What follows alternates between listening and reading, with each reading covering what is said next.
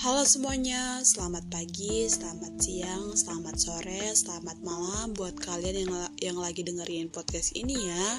Di sini gue bakal memperkenalkan diri gue karena ada pepatah yang mengatakan tak kenal maka tak sayang, Cile.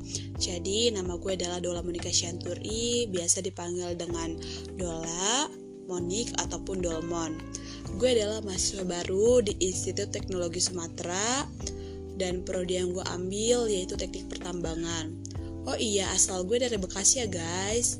BTW sebelumnya gue minta maaf banget nih kalau di podcast kali ini masih banyak kesalahan karena gue baru pertama kalinya bikin podcast ini dan gue hanya manusia biasa yang baru belajar dan podcast kali ini adalah tugas gue dari PPLK di ITERA Nah, di podcast gue saat ini gue bakal bahas tentang planning gue ke depannya di jangka pendek, jangka menengah, dan jangka panjang.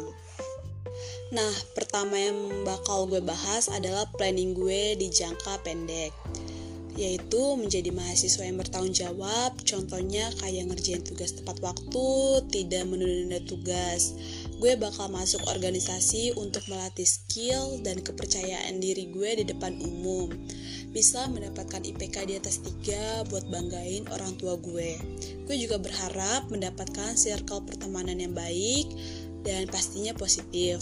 Gue bakal cari informasi terbaru tentang beasiswa yang ada di ITERA. Untuk jangka penengahnya sendiri, yaitu gue bakal pastinya melatih hard skill and soft skill gue. Gue bakal kerja part time supaya bantu beban ke orang tua gue dan mendapatkan pengalaman lulus kuliah tepat waktu dan mendapatkan IPK yang tinggi. Dan pastinya gue bakal mencari pasangan hidup juga yang setia, tulus dan sepemikiran dengan gue. Gue bakal mencari pekerjaan seputar pertambangan.